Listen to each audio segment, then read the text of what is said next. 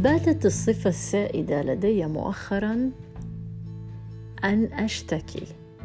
كثيرة الشكوى أصبحت مملة جدا وأصبح الأشخاص الذين يرافقونني يتذمرون ضجرا من استمرار البوح في شكاوي التي لا تنتهي ابدا. أصبحت أشتكي من كل أمر لا أعرف ماذا قد حل بي ولكن هذا الأمر بات امرا مزعجا. وفي ذات مساء وأنا أحدث صديق أعتز بصداقته جدا.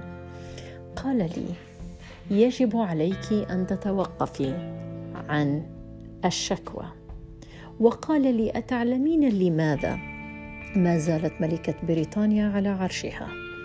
في ذلك الوقت حقيقه لم أكن في مزاج لأتقبل أي أمر ثقافي من أي شخص كائنا من كان. بالطبع اجبته أنني لا أعلم.